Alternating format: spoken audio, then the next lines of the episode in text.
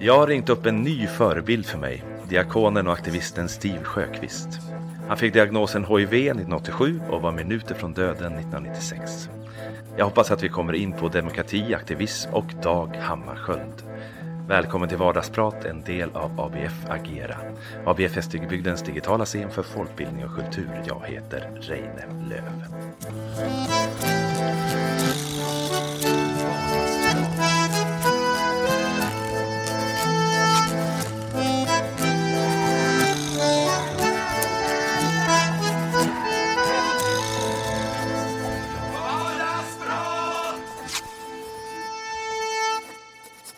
Välkommen Steve! Tack så mycket! Var befinner du dig nu? Jag har en ledig vecka och är på mitt eh, fritidsställe som ligger i Roslagen i Utsund, Herräng. Ah. Roslagen ja. är en sån där plats som alltså jag har hört hela min uppväxt men jag har aldrig fattat var det låg. Det var inte förrän för ett år sedan jag tänkte ja men just det, det är där det ligger. Det är så, ja. bara varit en bild av någonting vackert som har funnits. Sådär. Nej men exakt, och det är, alltså, det är verkligen som i Roslagens famn på den blommande. Ja. Här är mycket grönt och mycket blommor. Och, ja, det är ett fantastiskt, och jag kom hit, eller vi kom hit på grund av våra bästa vänner som har hus här och ja. vi letade hus. Så ingen av oss har anknytning till Roslagen och det är fantastiskt att, vara, att liksom komma till en helt ny helt nytt ställe. Mm. Det finns mycket att utforska här. När vi pratade innan så, så sa du din koppling till Gävle. Ja, jag är född i Gävle 1956. Okay. Födelseort Valbo. Ja, för ett, för ett tag så hade jag hoppats på Norrsunde. för när, okay. när jag hörde dig i dokumentären så sa du att, att ja. eh, du var en bruksunge. Eh. Ja, jag är verkligen en bruksunge. Ja. Med Ja, det började i Gävle och sen var det Munksund i Piteå. Och sen blev det Dalsland av alla ställen på jorden. Jag vet inte hur min pappa hittade en liten, ett brukssamhälle som heter Åsens bruk. Och efter det så blev det Värmland och Slottsbron som ligger mellan Säffle och Karlstad. Hur såg så, liksom ja. din kamp ut att, att växa upp som dig i, i de samhällena? Ja, men jag hade en jättefin barndom tycker ja. jag. Eh, och, um, ja men det var fantastiskt och det är väl Dalsland och Värmland. Jag var så liten när vi bodde i Piteå. Jag kommer bara ihåg att mamma var rätt så irriterad på pappa. Att uh, varför skulle vi liksom flytta så långt norrut med så mycket snö och så vidare. Men men, eh, men barndomsåren i Dalsland och Värmland är fantastiskt. Mm. Tills jag kom till tonåren eh, och när jag hade gått ut nian så var jag jättebestämd på att jag ville flytta och gå i gymnasiet i Karlstad för då tyckte jag att det blev för trångt på det här brukssamhället. Mm. Hur kunde det liksom te sig, den här trångboddheten? Ja, nej men ja, eh, ja, det var väl att dels tror jag att det var att jag eh, upptäckte att jag är nog homosexuell mm. så att eh, det var ju det då men jag har aldrig mått något dåligt av det. Av att jag kände att, eh, att jag var utanför. men jag hade ju en del, jag kände mig lite annorlunda men nu på äldre dagar så har jag tänkt att jag tycker om att vara en outsider och har aldrig liksom farit illa av det, inte mm. blivit mobbad eller så utan men det blev trångt och jag förstod att det fanns en större värld utanför det. Och jag vet när jag gick på Stora torget i Karlstad så tänkte jag, åh, nu är jag fri. Och så delade jag en stor lägenhet med eh, en annan kille och två tjejer. Så, och ja, det var underbart. Jag gjorde och höll på mycket med musik och Karlstad och Värmland har ju mycket liksom musik. Jag sjöng i en dansorkester ja, under gymnasietiden. och eh, höll på väldigt mycket med det. Så att jag vet inte hur jag kom ur det där gymnasiet överhuvudtaget. Mm. Hade väl hyggliga betyg men, men jag har ingen minne av att jag pluggade speciellt. Men är det lika mycket dansband i Värmland som man har bilden av eller, eller var det så viktigt som, som man utifrån Nej, men Det var tittar? jätteviktigt. Men det, det finns ett uttryck, i Värmland finns det fler orkestrar än folk. Ja. och det är ganska kul. Och, ja. Ja, nej men det var mycket på dansbanan och bygdegård och, och nu har ju smörgåstårtan kommit tillbaka igen men på 70-talet var det smörgåstårta upp över öronen när man var ute och spelade och det var Säffle stadshotell, Karlstad stadshotell, Åmål stadshotell och så ute på bygdegårdarna på, på Värmlandsnäs och så viktigt. Mm. Ja, så det var jätteroligt. Mm. Du, jag presenterade dig som aktivist. Ja. Eh, känner du dig fortfarande som aktivist? Ja, det är nog den finaste titeln. Jag är inte så mycket för titlar men jag var på en väldigt eh, trevligt eh, stor balkongparty. Det var en enorm balkong som gick åt alla håll. Och så hade en, en kompis, Hans, som var barnläkare och väldigt vältalig och så det var många jag inte kände och så säger Hans till mig så här och det här är Steve, han är HIV-aktivist. Mm. Och först tänkte jag, nej men oj, jag är inte en sån som bankar och skriker och slåss och så. Men sen så tyckte jag, ja nej faktiskt det stämmer rätt bra. Sen har jag verkligen hållit mig till det, att jag tycker att det är något fint med det. Att jag har reagerat på saker som inte är rättvist, som inte är anständigt. Då säger jag ifrån. Mm. Och det, det, har jag nog gjort för jag hade föräldrar som var väldigt mycket för rättvisa och hade en god människosyn och så vidare. Så att jag har det med mig från min... Sen kom det ju, blev det ju så att jag fick en HIV-diagnos och, och då var det ganska naturligt. Det var enda sättet för mig att överleva den gången så var det att eh, det är bättre att vara innanför än utanför. Liksom, och då får man gå in och se se situationen i vitögat och det var mycket kamp. Du säger att det är naturligt att eh, det kan väl lika gärna hamna i apati eller hat eller? Absolut och eh, om vi går tillbaka till 80-talet och när HIV kom så var det ju, jag tänker den stora skillnaden nu eh, är ju att, man, att det finns förståelse mitt i, i den här coronakrisen att vi ska vara, vara rädda om de gamla och samtidigt så är det ju eh, Corona har ju, har ju avslöjat hur vi ser på gamla människor. Så, mm. och, men med HIV så var det ju homosexuella och narkomaner och det var ju människor som inte var önskvärda. Mm. Så, men jag känner en väldigt stor aktivism i eh, äldrefrågan. Mycket, mycket, mycket stark. Mm. Och just nu är det inte tillfälle för att utvärdera eller jag tycker att jag vänder mig inåt nu men eh, jag kommer absolut att delta i debatten sen hur, hur vi gör med våra äldre och vårt äldreboende och att livet ska ha värdighet så länge det pågår. Du säger väl det i dokumentären, att, att leva som icke önskad? Ja, eh. det är en ganska hemsk känsla ja. faktiskt. Mm. Eh, att inte vara önskvärd. Och det, det var otäckt också att höra vad människor helt aningslöst säger. Jag brukar säga som när man lever med HIV får man väldigt stora öron, brukar jag säga. Mm. För jag hör vad människor säger och börjar man lyssna det så går det omkring människor och säger en massa hemska saker om andra människor. Och, och det, det reagerar jag fortfarande på. Ibland så mycket så att det inte är bra för mig själv. Mm. Ja, vi har haft mm. teaterprojekt med äldre och intervjuat många äldre. Och, och det har varit en otroligt berörande resa.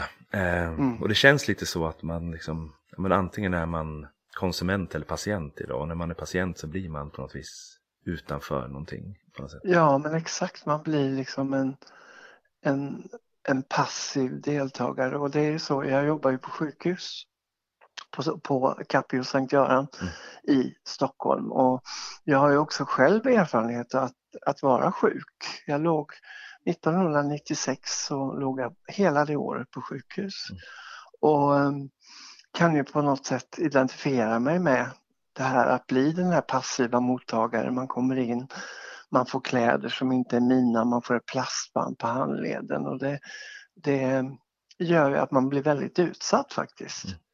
Och det är väldigt viktigt att man ser människan som ligger där och, och, i mina samtal så är det ju att jag vill hjälpa dem att återta sin, sin liksom personlighet, att de är, de är inte vem som helst, det är inget nummer som ligger här utan det är en, en människa som har sin livshistoria och sin livsberättelse. Och det, det är viktigt att man förhåller sig till det, att det är en person. Mm.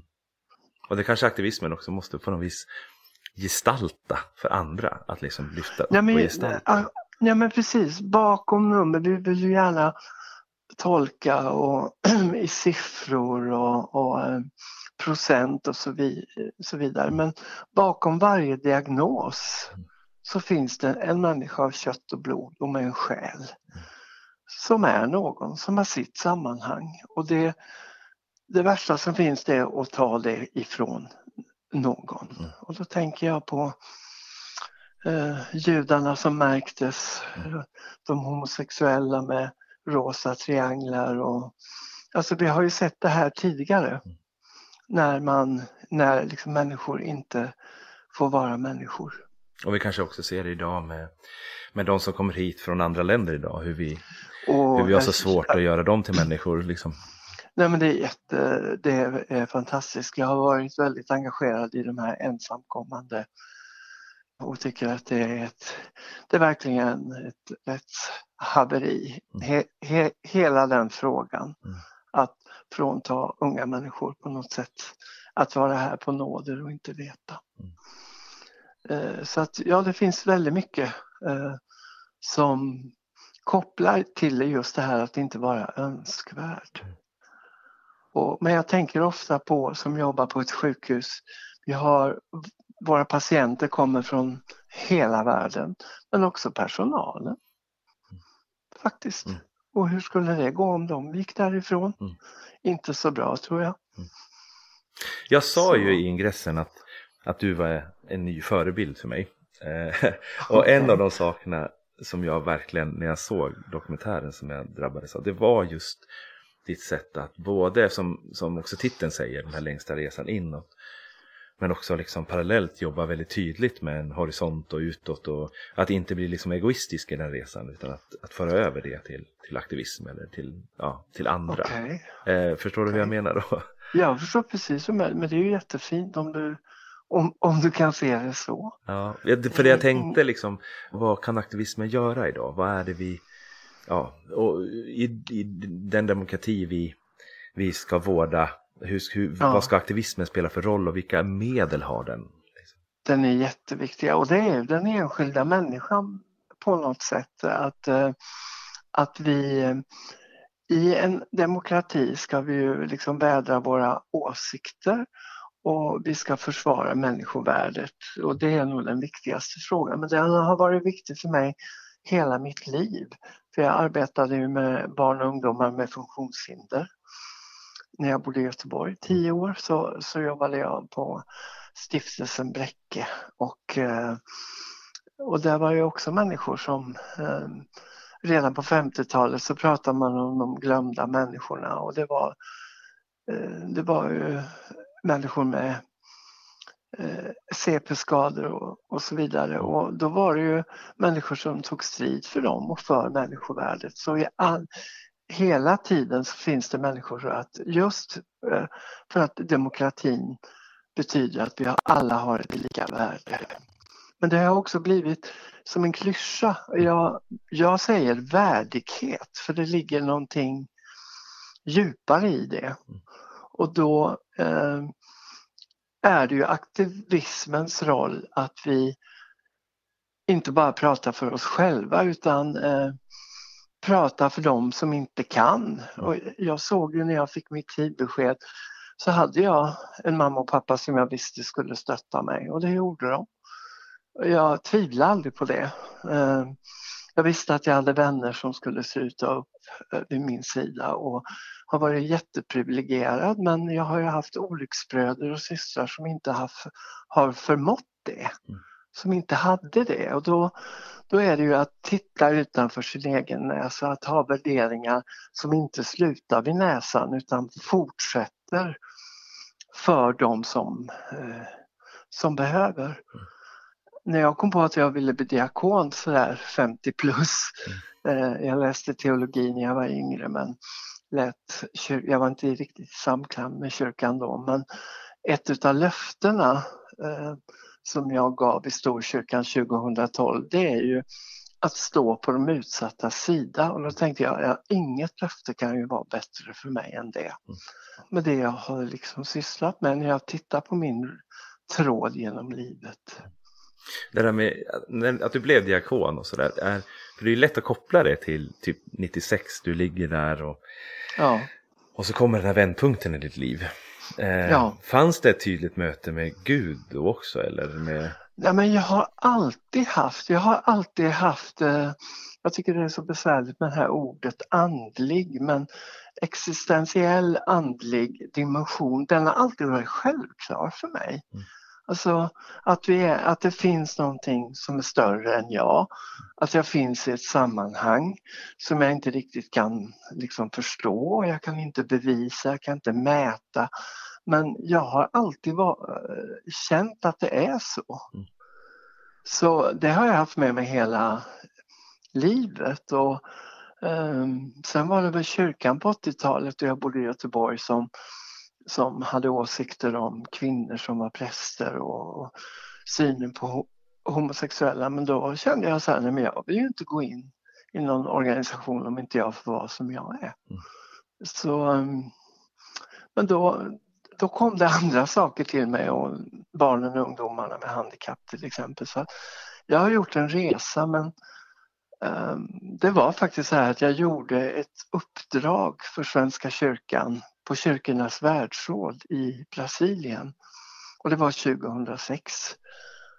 Och det, blev, det var jättestort och eh, liksom människor från hela världen som samlades. Det var verkligen som, ja det var fantastiskt. Och då kom jag hem och då hade jag jobbat då eh, som skribent och skrivit flera böcker och så tänkte jag, nej men om jag ska göra någonting nytt nu så är det nu. Och då blev jag rätt så förvånad själv när jag kom fram till att med mina erfarenheter så är det ju eh, liksom diakon jag ska bli. Mm.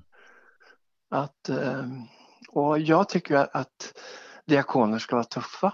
De mm. ska vara rätt smågiftiga av sig och, och stå upp för, för människor. Mm.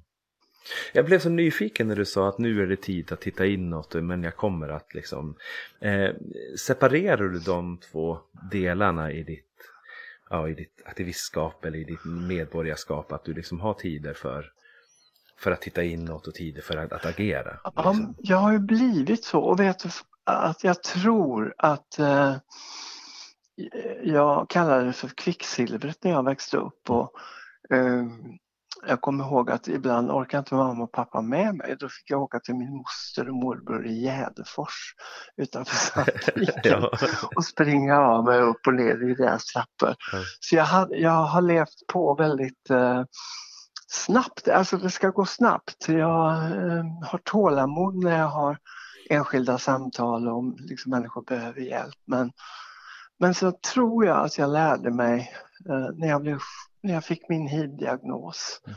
Så på något sätt så var jag tvungen att vända mig inåt.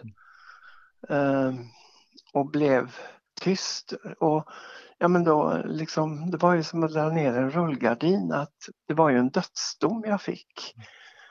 Och då fick jag vända mig inåt och tänka hur ska man överleva det här? Och då bestämde jag mig för att ja, det här med positioner och makt och sånt, det är ingenting för mig utan det är relationer som jag ska satsa på.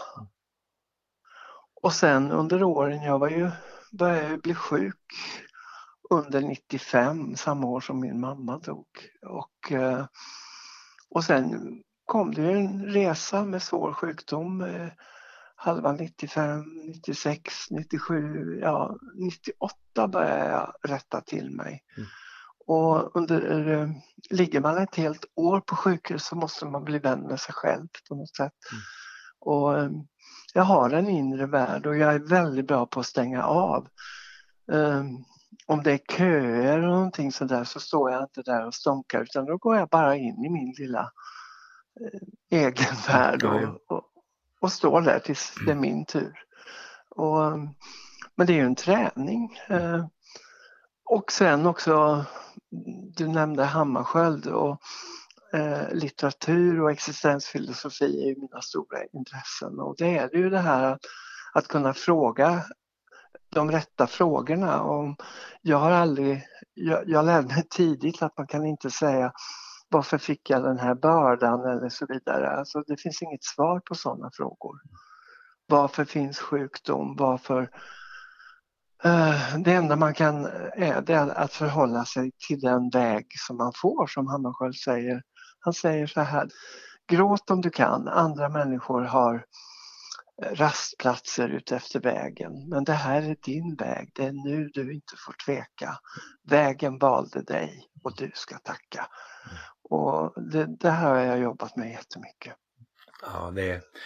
Dag Hammarskjöld är ju någon man vill tipsa alla om att möta känns det som.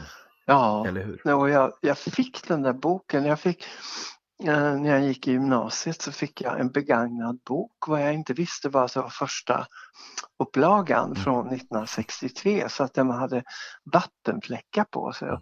Då tyckte jag väl lite förmätet att vill man ge en sån här ful bok till någon? Och sen, eh, ja, och sen förstod jag att det där var en viktig bok men jag liksom flyttade ut från pojkrummet i Slottsbron till Karlstad och den var med mig. Men hur läser man en dagbok? Det är jättekonstigt och den är ju skriven med gammalsvenska och så vidare. Men eh, när jag sen kom till Göteborg och började arbeta där så jag visste alltid att det var en viktig bok men jag ägnade mig inte så mycket åt den. Men en dag så mötte jag ett, ett ord. Jag kom hem och var jätteförbannad och hade sagt upp mig från mitt arbete. Och då tog jag tag i den där boken, bara slet upp en sida och så stod det dessa färdiga, dessa självsäkra som går omkring i sin framgångs skinande rustning.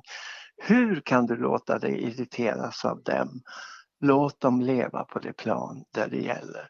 Och då var det som allting rann av mig. Bara tänkte att nej men, det är inte värt att jag eh, liksom blir så upprörd över det här och nu har jag valt att lämna det här. Och då förstod jag att den där boken hade mycket innehåll. Ja, ja. Men du, när, när, du beskriver det där, eh, ditt sätt att separera den här inre resan och den, när man väl ska ut så kan jag känna att både organisationer och, och personer eh, runt mig, eh, att det är lätt att fastna. Alltså att man att antingen gå in i en inre resa och så fastnar man där. Alltså att man ja eller en organisation också, att det, att det finns ju alltid ja. ett behov av att, att, att dra sig tillbaka sin community eller i sig själv eller någonting. Jo. Men den här steg två, att när man har, när man mm. har liksom byggt upp tillräckligt mycket för att kunna gå ut i samtal eller gå ut att agera eller akti alltså, alltså aktivera ja. eller någonting. Ja, nej men alltså det där att gå, gå in och ut och det där liksom växlingen. Mm. Uh, uh, tror jag är jätteviktigt och det är ju så som du säger i organisationen kan ju bli, man undrar men hallå, eh, vet ni varför ni är här? Mm. Det är väl många gånger, jag har ju rest runt hela vårt avlånga land och jobbat med EU-projekt, jobbat mycket i Ryssland och Baltikum.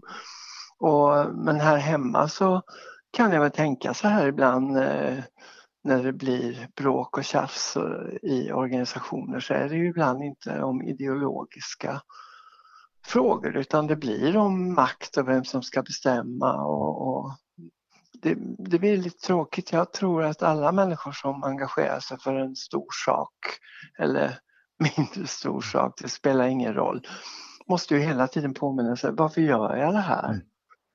Mm. Men det är ju så fint att känna att man är, är, flera som engagerar sig i någonting. Eh, men det krävs självkritik tycker jag. Mm. Du säger ju också i, i dokumentären att inget mänskligt är farligt att tala om. Eh. Nej men det är ju det och, och jag menar HIV handlar verkligen, jag vet, nu citerar jag mig själv, det ska man inte, men i en av mina böcker har jag skrivit att, att eh, HIV sätter strålkastarljuset på det som vi inte vill prata om och det vi inte vågar prata om. Mm. Det här med sexualitet, olika sexualitet, mm. att eh, vi har många uttrycksformer som människor och att det är så tabu, eh, liksom tabubelagt. Mm. Och, och det här med virus också som är så aktuellt nu i liksom coronatider. Att det låter ju inte fångas utan hela virusproblematiken handlar ju om virus som gör om sig, ungefär så här titt, titt utlek. Mm. Nu ser jag ut så här men nu ändrar jag mig och ser ut så här. Och då blir vi väldigt rädda inför det som vi inte har kontroll över och så var det med HIV-frågan att eh, och jag glömmer aldrig, jag var inbjuden till Röda Korset i Djursholm och så av alla ställen. Och så var det en väldigt stilig dam där som och hon glittrade. Och så frågade hon, unge man, hur smittar den här sjukdomen? Och så tänkte jag, nej gode gud, måste jag? Ja, ja. men då hade jag lärt mig att man ska vara rak och man ska vara tydlig. Mm.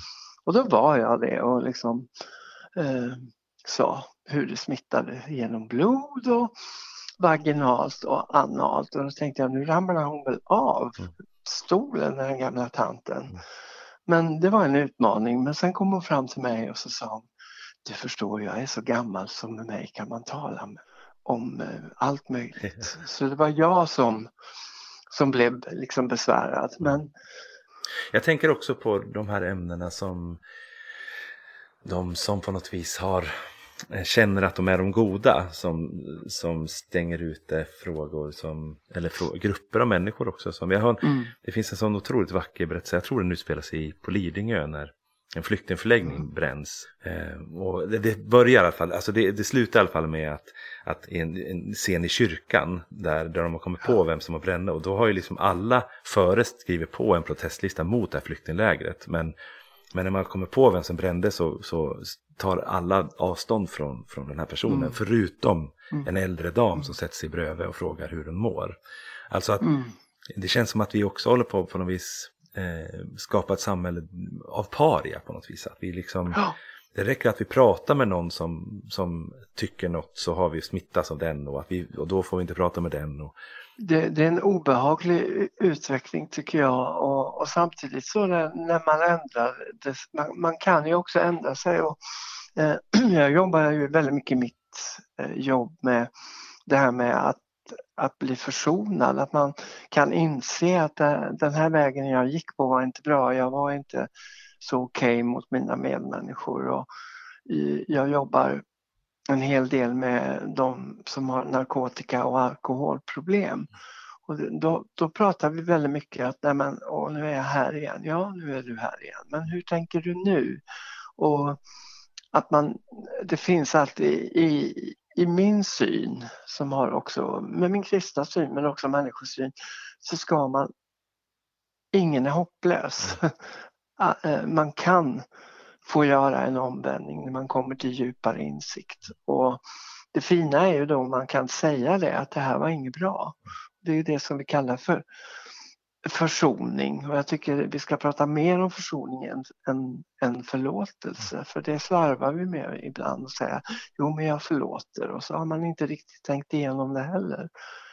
Men det här att försonas, att ja, när alla tittar som, som äldre som jag pratar med så finns det ju saker vi skulle göra på ett annat sätt mm. om vi hade fått leva om våra liv. Och det, det, det är också en sån här allmänmänsklig fråga. Ja. Och är det också att, att vi då också koncentrerar oss mer på skulden än skammen på något vis? Alltså att, ja, att skulden ju, går ju att, att liksom prata om förlåtelse med skammen, ja. då måste vi djupare på något här, vis.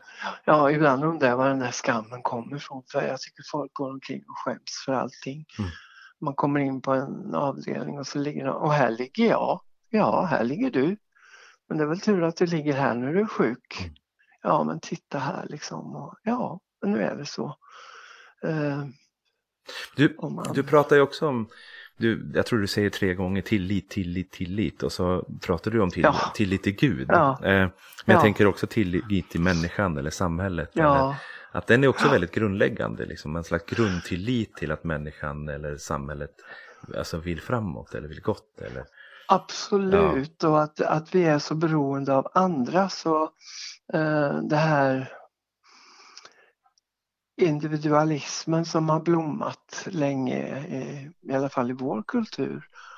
Eh, alltså den blir nästan, man blir nästan illamående eh, till slut hur den har dragits i långbänk. Och, Eh, men när vi ställs inför någonting svårt så är det första man tänker på att det här klarar jag inte själv utan jag är så beroende av alla andra människor.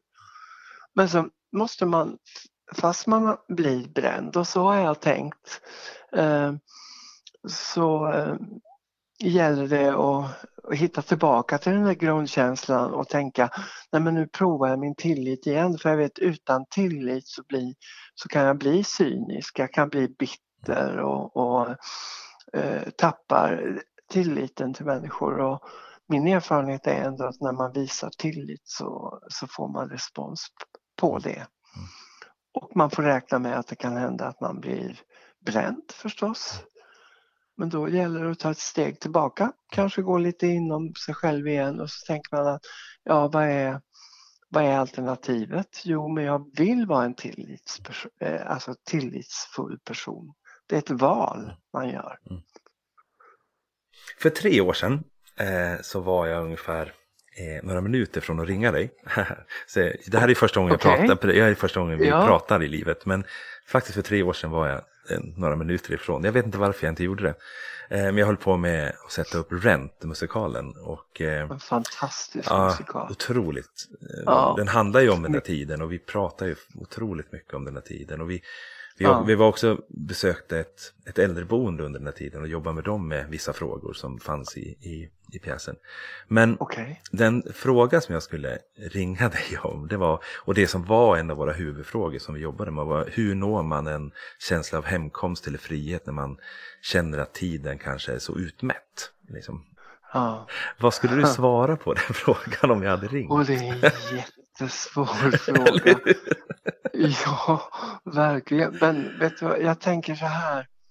Jag har, det är nuet som gäller. Sen är det ju så här, den som inte tittar bakåt kan ju heller inte kanske hitta någon bra riktning framåt. Det är ju den här syntesen av dåtid, nutid, framtid. Men jag är ju, har tränat mig jättemycket på att vara här och nu. Och eh, när jag fick mitt hivbesked 1987 så satt jag länge och smakade på jag hade fått en sjukdom som jag inte kunde ta på. Det var inget fel på mig. Jag var liksom 31 år, ganska vältränad. Jag hade kommit hem från att ha jobbat utomlands några år och kände mig så jättestark. Så att det var ju väldigt konstigt att få ett besked och så inte känna att någonting var fel. Mm. Och det där fick, eh, fick jag ju leva med och smaka på. Och tänk, jag vet att jag stod i hallen och tänkte att jag borde köpa en ny lampa. Nej, det är ingen idé, jag ska ju ändå dö snart. Mm. Och så där höll jag på ett tag med mig själv. Och, eh, och till slut så tröttnade jag på mig själv. Jag tänkte men jag vaknar nog imorgon också. Mm. Och så blev det att, ja, det, en smygande känsla. Det, Därför är det svårt att förklara för dig hur det går till. Men, ja, jo. för du säger ju också det här med ja, i dokumentären att, att våga leva trots att döden kommer, att våga stå kvar och inte smita. Ja, den är, den ja, är ju den är väldigt så... vackra meningar tycker jag, eh, men väldigt ja, svåra. Okay. Ja. Och... ja, de är svåra, men, men det är ju träning, alltså man får träna på att leva. Och eh, jag gjorde ju de yttre grejer som eh, yttre omställningar som jag behövde. Jag kände jag fick jag ville komma mina, närmare mina föräldrar som bodde i Gävle. Hade flyttat tillbaks mm. dit. Mm. Pappa gick i pension och jag bodde i Göteborg. Det var ju en liten lång resa. Så att, eh, jag bestämde mig för att jag skulle flytta till Stockholm. Men jag hade också inte vågat testa mig i Göteborg och det säger ju någonting om hur det såg ut. Att man var jätterädd Mm. för att någon skulle få veta. Så då flyttade jag till Stockholm och sen var det så här att jag flyttade dit upp utan att ha något jobb. Jag eh, sa upp mig från ett väldigt bra jobb på en hjärtrehabiliteringsklinik utanför Göteborg. Och eh, jag hade med mig ett skrivprojekt. Det var det enda jag hade. Och så ja, började jag enga- engagera mig i, i de här frågorna i en organisation som heter Noaks ark. Mm. Och eh, ja, och- då var det ju här och nu och de utmaningarna och det var ju ett krig från alltså slutet på 80-talet och i, in i 90-talet så var det ju, och då var det här och nu. Det var inte så mycket planer men Ja, du säger ju också det någonstans att nu, nu, nu, att, att det är ja aktivismen. det är nu. Och Så aktivismen är väl nu då? Ja, precis. Ja, och inte Ja. sen. Utan Nej. hallå, kom igen nu. Men jag är ju väldigt otålig och jag har en lite ful förmåga att avbryta ibland när jag blir fylld av det här att men vad sitter ni här och ältar och kom igång nu då. Nu gör vi det. Det ska verkligen, jag är verkligen besjälad av nuet så att det mm. ska ske på en gång. Sen är det ju inte alltid som att det går att fixa saker på en gång men, men också att inte ha så mycket planer. Eh, jag jobbar ju i egen regi i över 20 år och då med föreläsningar och, och olika projekt i, här i landet och utomlands också. Men sen när jag blev diakon så kom jag ihåg att jag skulle börja ute i Hässelby, då var vi sex stycken diakoner. Och så då på hösten en gång så här, nu ska vi planera våren och det blev jättekonstigt för mig.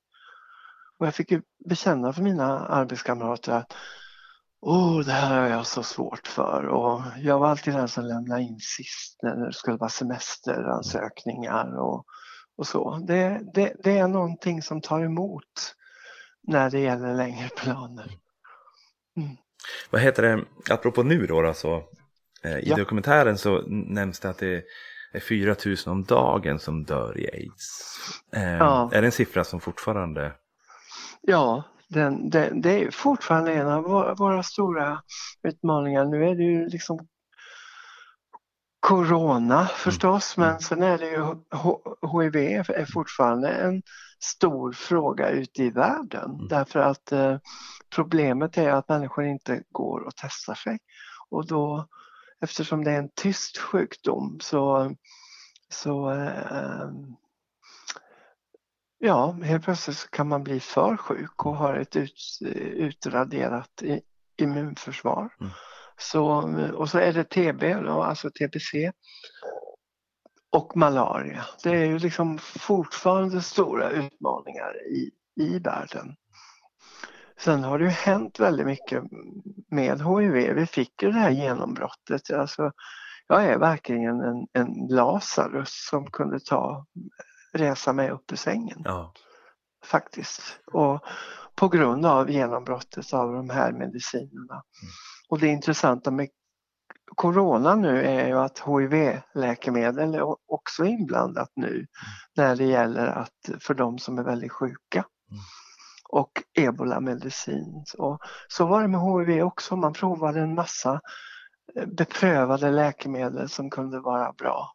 Man prövar Och- väl också, alltså samma som idag så gick det väl också rykten som inte liksom Ja, man, man, man, ja, men man testar ju Mm. ja, i desperation allt möjligt. Jag hörde någon Ja, ja. från Tyskland, det var min koreograf som berättade att, man, att det gick rykten om att man kunde använda sitt eget kiss och sen Ja, Alltså, ja, och den där desperationen den måste ju vara total i de där lägena. Att liksom, det är ju det och jag någonting. kommer ihåg. Ja, och eh, du ska också veta att i början där så kom det en massa religiösa fanatiker och sa att ja, men vi kan lägga händerna på och då, då blev vi ju ursinniga. Jag nästan mer eller mindre lyfte ut en, en liksom person ur rummet som liksom menar, satt där med, med oss som var rädda. Eh, och så kommer det in någon och säger eh, att nu ska jag, om jag lägger handen på dig och jag kan, om ni går och tränar hos mig och så. Det, det var väldigt mycket eh, obehagliga som också kommer fram ur den här eh, liksom desperata liksom situationen som blir. Och människor blir väldigt irrationella i sådana här situationer. Och det har vi ju sett nu också. Eh, jag ser det i Stockholm, det är ju där som det har varit så mycket att i början jag eh, har väldigt torra, jag äter så mycket mediciner så jag har så torra slemhinnor så jag, det tar en stund innan jag har liksom sjungit upp mig på förmiddagen. Mm. Och de kraxade jag väl till på bussen och då var det någon som bara som reste sig upp så här, såg vettskrämd ut. Mm. Och då kan jag bli så här, nej men nu får ni ta det lugnt mm. ungefär. Så att, eh, men alltså rädslan är ju väldigt otäck tycker jag. Mm. Jag har kunnat formulera mig så att rädda människor kan bli farliga människor. Mm. Så är det. Mm. Men eh, om vi tar det samtalet vi har haft nu och så tittar vi idag och lite framåt och sådär. Mm. Titta på demokratin och allt ja. det där. Vad, vad, känner du? Vad, är, ja, vad, vad väntar oss och vad är vi på väg? Ja, vad väntar oss? Alltså den som kunde ja, snacka. Eh, jag, eh, jag funderar väldigt mycket på, på det och nu har jag gått några dagar här och liksom påtar i jorden och, och, och, så och tänker att det är just demokratifrågor som kommer att vara högt i, i liksom kurs. Hur ska världen se ut? Vad är det viktigaste? Um, kan vi leva som vi har gjort? Och då kommer vi in med miljöfrågor och konsumtionstänkande också. Men också de här att det har blivit, vi har fått ett samhälle, vårt samhälle där de som har, de har ordentligt och så finns det människor som inte har. Mm. Jag är uppvuxen på 50-60-talet där eh, då fanns det inte de klyftorna. Nej. Och som jag sa tidigare också synen på äldre människor och hur, hur vi hur alltså, man ska leva sin ålderdom. Att, att eh, det är jättemycket och folkbildning mm. tror jag ju väldigt mycket på. Vi skulle behöva ha en era av folkbildning, ett annat sätt att tänka. Men Hur ser du, om vi bara stannar där kort bara med folkbildning, om du, mm. för vi är ju en folkbildningsorganisation. Ja. Eh, hur ser du att vi skulle kunna liksom möta de här frågorna bäst? Jo, men det är ju bara att gå in och se vad, är, alltså, vad, vad sätter det här strålkastarljuset på? Mm. Och då är det ju det här att ska vi leva tillsammans så måste vi förstå att vi är olika, vi är olika och olikheterna blir mångfald och att det är något positivt med mångfald. Det tror jag är liksom um, den här, att det kunde bli en ny rörelse, folkbildningsrörelse. Och kunskap överhuvudtaget. Mm. Kunskap om hur vi lever och hur det kan vara, bli, bli för de många människorna. Mm. Ja, rättvisefrågor, nej men det finns en massa saker och att göra saker tillsammans, det har jag tänkt på folkbildningen. För människor samman. Mm ja, där man kan ha roligt och kul, vara glad, skratta, dansa, vad vet jag. Mm. Men också diskutera. Mm. ABF har ju en jätteviktig roll i det och kommer att kunna ha om man sätter på sig glasögon nu och ser vad är det det här väcker för någonting. Mm. Och, och um, hur ska vi förhålla oss till det här? För vi är också det är många ensamma människor och det tänker jag också på att, eh, att föra människor samman genom ett gemensamt engagemang. Jag har ju alltid, jag tycker så illa om när man skrattar åt eh, syföreningar i kyrkan. Mm. Alltså jag har sån respekt för det. De satt inte bara och snackade och tyckte, de gjorde någonting. De sydde, de hade marknader och de hjälpte människor som behövde. Det tycker jag är jättekonkret. Även de här syjuntorna som min mamma var med i. Abs ja. Vilken respekt alltså de ska ha. Absolut, ja, ja jag, jag har verkligen det. Mm. Och det här finns hos människor. och när man skapar sådana sammanslutningar så håller man också reda på varandra. Men nu kom hon inte, vad, vi får nog ringa henne nu. Mm. Och, alltså det här att bry sig, att vara engagerad i sitt eget liv förstås, men också lika mycket och se vinsten att engagera sig i andra människor, vad det ger. Jag hade ju inte, hade inte jag bett om hjälp i min situation genom åren så hade jag inte då hade jag inte gått här nu på jorden utan det är ju i gemensam att få komma med sin rädsla och någon eh, har någon att luta sig mot och kunna känna sig trygg. Och, och kunna få vara den man är. Det är jätteviktigt. Du, tack så jättemycket. Eh... Ja, men tack Tack du. Ja, inte bara för det här samtalet Verkligen. utan för ditt verk och vad du gör helt enkelt. Jag, ja, jag håller fast vid att du är min nya förebild. oj, oj, oj. Ja. Och du har den där bra radiorösten, vet du det? Ja, men tack ska du ha. Nej, du har, alltså det, det är ju också, det är svårt annars att liksom kommunicera men om, om någon har en, en liksom tillgängligt uttryck och röst så, så går det ju bra. Jag tycker bara, jag känner mig riktigt upprymd. Ja, bra. Hoppas vi hörs mer helt enkelt. Ja, men det hoppas jag också vi gör.